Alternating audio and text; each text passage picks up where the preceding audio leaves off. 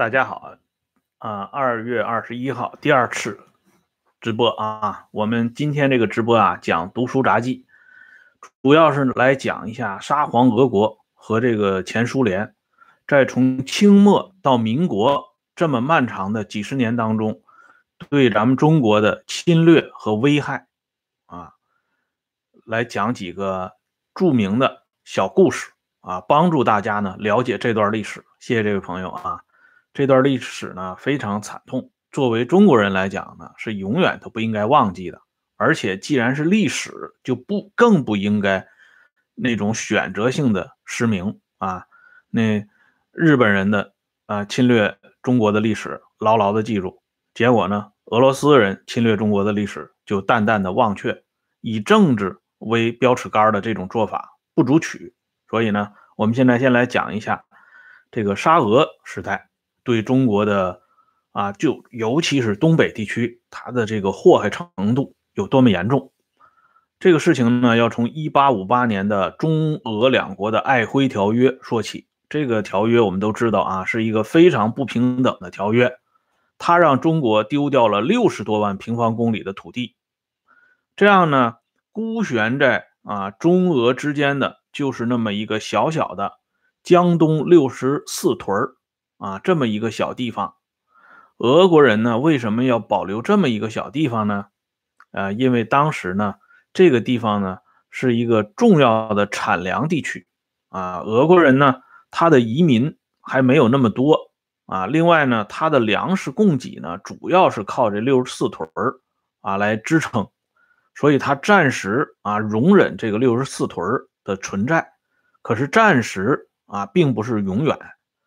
啊，俄国人一直在打这个主意。等他这个移民数量到了一定程度以后，他的种种的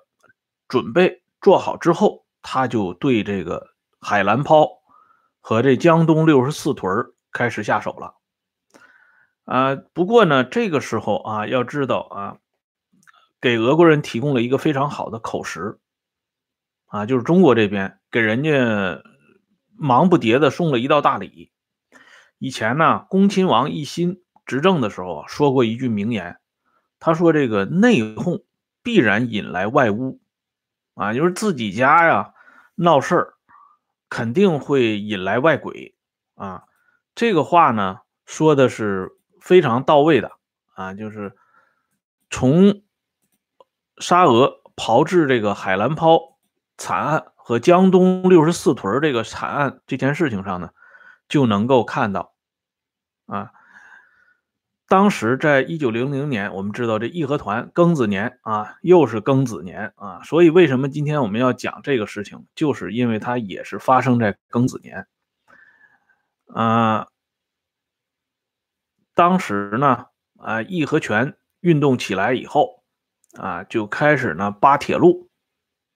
啊，把人家这个俄国人修的铁路呢都给扒掉了。啊，因为要灭洋嘛，扶清灭洋，所以要搞这些极端的活动。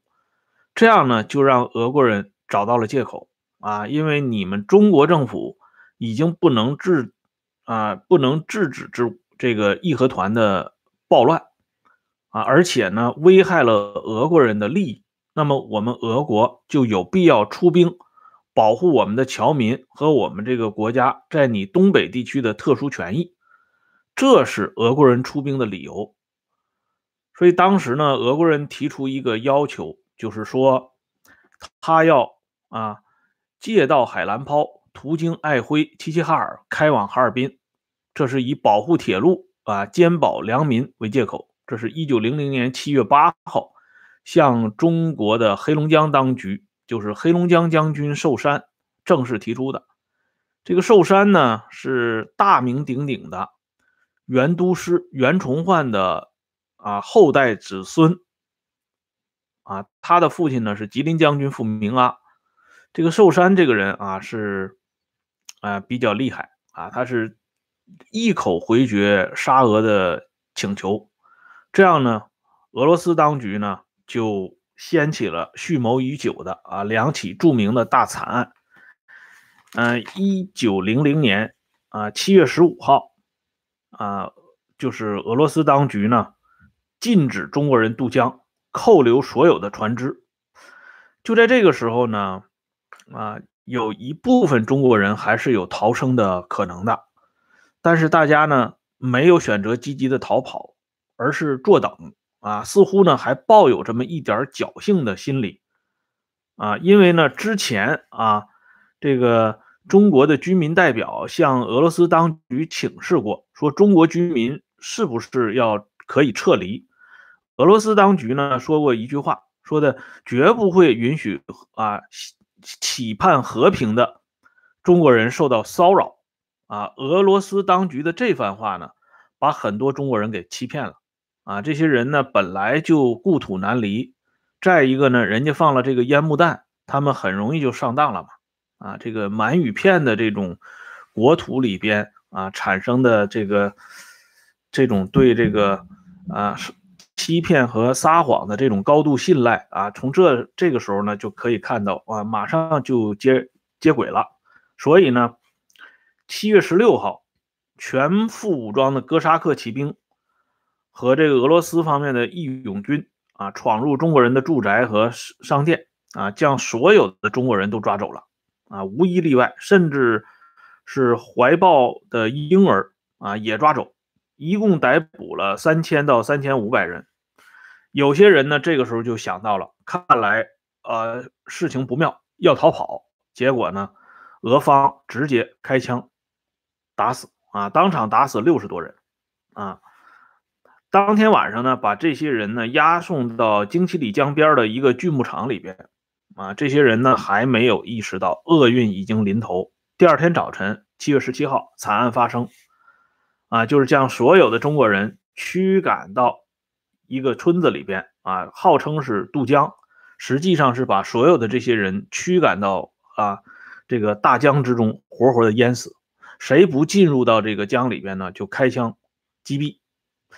呃，所以这个现场呢，就是非常惨啊。俄国人自己呢也有这个记载，英国人也有记载，日本人也有记载啊。谢谢郑老兄啊。日本人的记载呢是最详尽的，因为我们知道那个时候呢，日俄两国的关系呢已经发生严重的局域啊，关系不是那么好了。所以这个日本人呢，在当时呢对俄方。在中国所做的一些行为呢，他们有详细的记录，所以通过日本人当时的那个记录呢，我们就可以看到啊，这个人群呢像雪崩一样被压落进入黑龙江的浊流当中，啊，这些试试图逃走的妇女和婴儿呢，都遭遭到残酷的杀害。哎，这场屠杀呢，一直进行到七月二十一一号，就是十十七号。杀到七月二十一号，杀了整整四天，一共呢夺去了五千多条啊中国人的生命，只有极个别的人啊，这个游泳游到对岸逃生，极个别的人。这是著名的海兰抛这个惨案，在举行海兰抛惨案的同时啊，俄军呢又扑向江东六十四屯啊，对居民呢进行多次的扫荡，最后呢，这江东六十四屯呢，大概死亡人数在两千人左右。这两次屠杀的中国居民的呃尸首呢，整个就把这个黑龙江，呃，这个上游的水面呢就给堵塞了。当时啊，俄军有一个上校军官，他写过一本书，叫《满洲旅行记》。这个是记载一九零零年到一九零一年他的所见所闻啊，在这本书里边，他就写到啊，这个整个的这个中国人的尸体是非常之多的啊，这一句话就已经高度概括了当时的惨景啊。这场这两场屠杀发生以后呢，啊，清朝政府啊。对这个沙俄当局悍然发发动这种血案呢，表示严重的抗议，而俄军呢，啊，也是开始采取啊，就是图穷匕现的手段啊，在这个八月四号攻陷爱辉，八月二十八号逼近齐齐哈尔，并炮击城内。这个时候呢，黑龙江将军寿山啊，就是袁崇焕的后裔，呃，战败啊，自杀。这个人死的非常壮烈，他要求手下呢向自己开枪啊，打了几枪以后呢，终于这个壮烈殉国。寿山的女儿啊，他有一个女儿叫寿义啊，这个人呢后来做了这个张作霖的姨太太啊，嗯，就是著名的啊武姨太寿夫人。啊，这在这个张作霖的历史上都可以查到的。他非常受到张作霖的宠爱，在家里呢说话很有地位啊。就是说当时啊，当这个沙俄军队扑向呃中国的这个城守的时候啊，中国这个守土有责的这官员呢，地方官员采取了抵抗和自尽的这种壮烈的行为。而后呢，这个清朝政府啊，比如说我们都知道的，呃。东三省的总督啊，徐世昌曾经奉命啊，跟这个沙俄当局进行过交涉啊，一个是领土方面的交涉，一个是向沙俄他们讨还呢杀害中国人的这些啊所欠的这些血债血债啊，就是一直在做这方面的工作。可是呢啊，我们都知道弱国无外交啊，嗯，你再怎么交涉。没有用，嗯，到了民国的时候，就是列宁发动十月革命以后，中国这边呢也变成了民国政府，就是北洋政府。但是北洋政府呢，虽然被大家称之为啊一个腐朽的、一个混乱的、啊一个不负责任的这么一个政府，但是他一直没有放弃对这个海兰抛血案和江东六十四屯血案的追究责任。这件事情，他虽然弱小，但是一直呢，对这个苏联啊进行这个挣扎和抗争啊。谢谢这两个朋友啊。但是由于种种啊理由、客观因素，被这个列宁和斯大林当局所拒绝。这里呢，我们要着重提一下斯大林啊。斯大林呢，曾经这么。啊，向我们说过，这个文章呢，取自于《斯大林全集》第六卷一百一十三页啊，出处在这里。斯大林说，沙皇俄国是以最残忍、最野蛮的形式表现出来的各种压迫。啊，谁不知道啊？沙皇俄国对中国广大地区的剥削和沙皇制度对这些地区的侵占和侵占领土的战争是融合起来的呢？啊？斯大林同志饱含深情的啊，向我们描述了沙皇俄国的残忍。然而呢，这个沙皇俄国欠欠下的血债呢，啊，欠给中国就是欠下的这些血债啊，在斯大林领导下的这个苏联呢，非但没有偿还，反而进一步加剧。这就是第二个话题啊，就是当沙皇俄国覆灭以后。取而代之的布尔什维克苏联对中国呢，采取了一个什么样的状态啊？这里呢，我给大家讲一下，嗯，蒋经国的回忆，就是呃，蒋经国啊，谢谢这位朋友啊，蒋经国当年呢，在雅尔塔的这个会议之后呢，啊，因为国际上这两个巨头暗中呢把中国给出卖了，蒋介石在一九四五年三月十五号的。啊，日记当中呢，已经啊悲愤的写写过这这样一句话，他说：“这个可以断定，此次黑海会议，俄国对日作战已有诚意。古尔则此次抗倭战争之理想，恐成梦幻矣。”他意识到啊，这个苏联的出兵可能让中国这个战胜国的地位大打折扣。果然呢。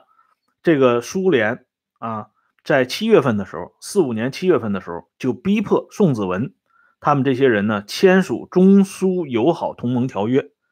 要攫取外蒙古和在东北巨大的这个权益啊，实际上就是要啊把这个黄色俄罗斯计划呢逐次的啊变成现实。蒋介石这个人呢，啊，应该说还是挺有民族骨气的。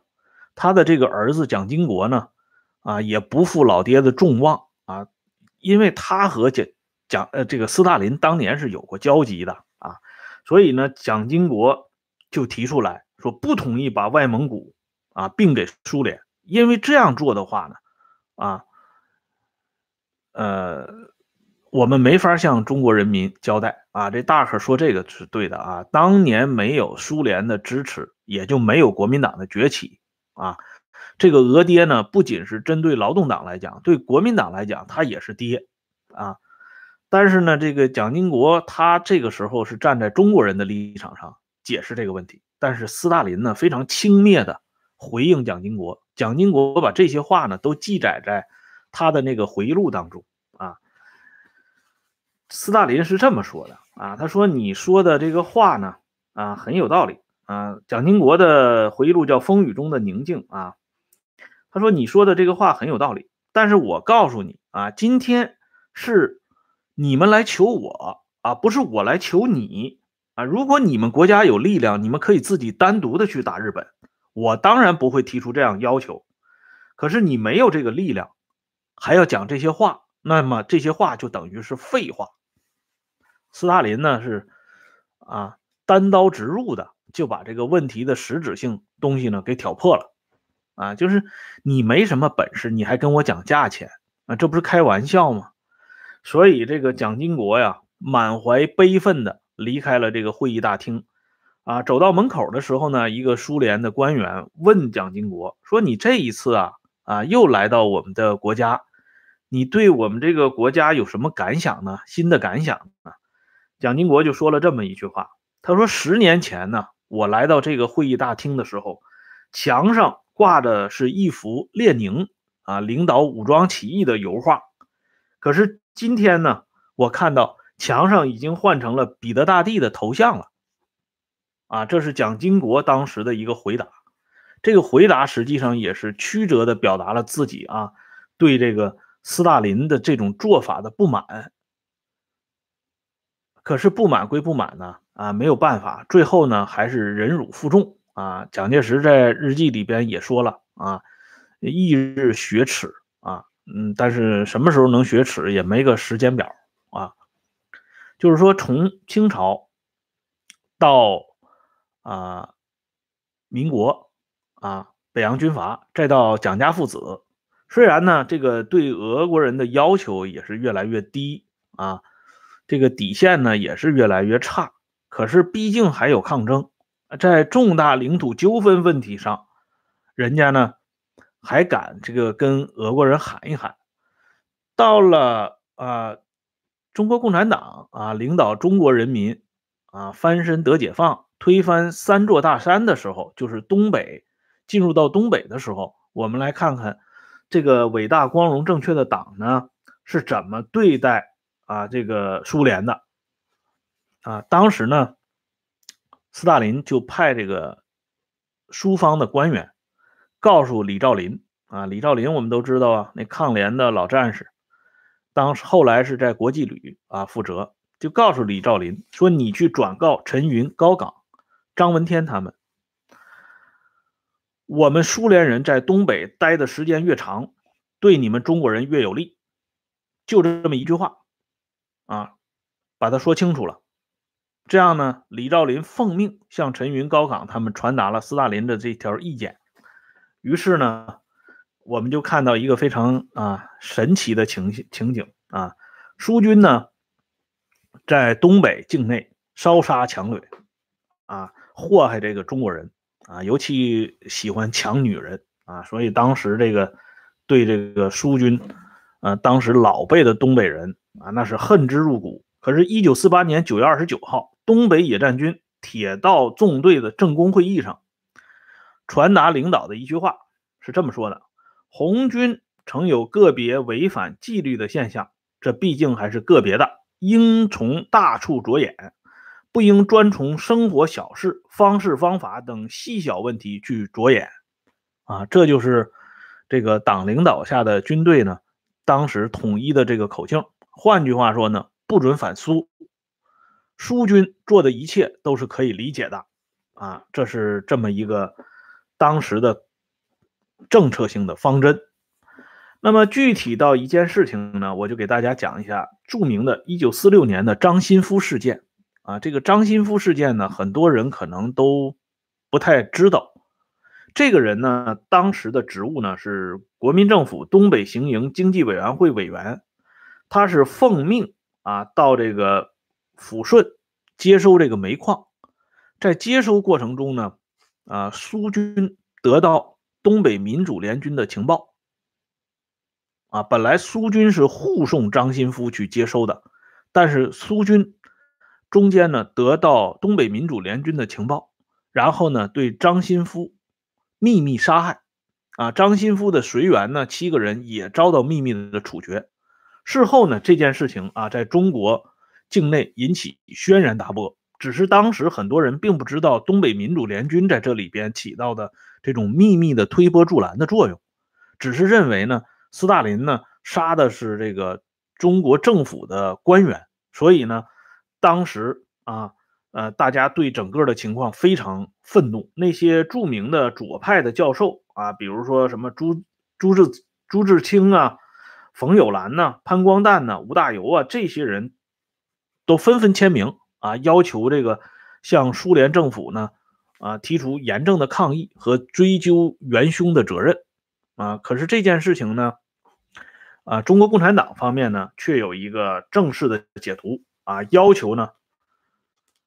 不准反苏，坚决维护中苏两大民族的友谊，要站在真正的爱国立场上理解这个问题，啊，由此也可以看到，当时啊，中方这个共产党领导下的这个政权，对苏联的这种做法是一个什么样的态度。实际上呢，啊，整体上讲一下，苏联呢对这个中共方面啊，啊，张新夫的墓碑没有了，一点都不奇怪。就刚才我讲的黑龙江将军寿山，后来修过一个寿公祠啊，一度呢也被搞掉了，啊，但是呢，你看啊，这个苏军纪念碑还都是存在的，哎，这是不一样的啊。实际上呢，苏联人啊对这个中共方面呢，其实根本就看不起啊。这里呢，我给大家举一个例子，这是胡乔木回忆的，就是重庆谈判的时候呢，苏联大使啊为了保证跟蒋介石政权啊保持这种嗯那个热络的联系，他故意呢拉开同中共最高领导人毛泽东之间的距离，所以毛呢当时对胡乔木抱怨。说苏联大使馆胆子小，请我们吃饭要走后门啊，人家都不开正门啊，请毛泽东进去吃饭，啊，开后门去吃饭。可是呢，刘少奇奉毛泽东的命令啊，向党内高级干部传达，说对待同苏联老大哥的交往问题上啊，你是有理三扁担，无理扁担三，就是说一定要逆来顺受，哎。否则的话，那是怎么都要挨挨板子的啊！回过头来呢，明明天啊，我要专门给大家讲一个著名的旅顺事件啊，这是斯大林亲自点名的旅顺事件，这是很有名的一个事情啊，就是反映了当初当时这个苏苏联这个布尔什维克党啊，苏共对中共的这种辖制和收拾啊，这收拾的简直是服服帖帖啊，连哼一下都不敢哼。当时呢，苏联在东北啊，借着这个胜利国的这个地位，从这个中国方面掠夺的财富啊，到什么程度呢？他是从长春的中央银行里边提走库存的满洲币七亿元，各种有价证券约七十五亿元，黄金三十六公斤，白金。三十八公斤啊，白银六十六公斤，钻石三千七百零五克拉，这是一天的时间呢，就是一九四五年八月二十八号这一天的时间。所以当时呢，这个美国人就看看看到了啊，美国人说，一切设备能拆走的有轨电车、机床，甚至整座工厂。都逃不过俄国人的眼睛。这是美国人啊记载的。所以当时美国有一个统计，说当时苏联啊，谢谢这位朋友啊，当时苏联从这个东北啊拆走的工业设备，就工业设备啊，民用设备都不算，没法计算了。工业设备一共是价值二十亿美元。啊，这是当时美国人的统计，这是非常保守的一个统计。哎，这个朋友讲了，姓姜的朋友说了，卢东升被杀害了，啊，中方根本不敢言语，而且这个卢东升呢，是受到斯大林的啊高度重视啊，是受过斯大林点名的，培养起来的这么一个双栖干部啊，这个人既有中方的身份，也有苏方的身份，但是他被杀掉以后呢，斯大林。没有表态，中国更不敢吭气儿啊！卢东升啊，九死一生啊，没有死在湘鄂西那四次肃反，却死在这个这个俄爹手里啊！他是这个斯大林亲手培养起来的好学生啊，最后就让几个乱兵给打死了，这是一个很很很惨的一件事情。所以当时我们看一下啊，苏联从。东北掠夺了这么多的东西，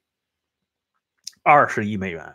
可是后来毛泽东呢，一边倒的时候，到苏联啊，亦步亦趋跑到斯大林那里去跟人家谈判，谈了那么久，斯大林呢，最后开了金口，才给中国五亿卢布的援助，而且这援助不是无偿的。那二十亿美元和五亿援助啊，是一个什么样的比例？大家一下子就能看出来。而当时。啊，黄华就是朱德的秘书。黄华晚年有过一个回忆，他说：“司徒雷登呢，啊，就告诉中国共产党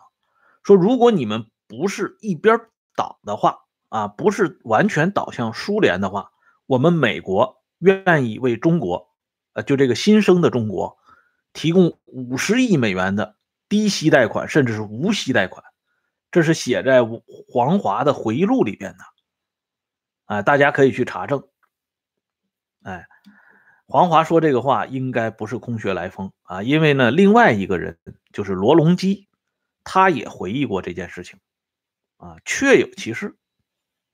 一方面呢，美国人上杆子送五十亿美元帮助中国恢复生产啊，重建家园；而一方面呢，苏联人从掠夺中国人的二十亿美元里啊。挑出一个小手指头的五亿卢布恩赐给中国人，可是呢，中方最后选择的还是跪在俄国人的面前接受这场恩赐。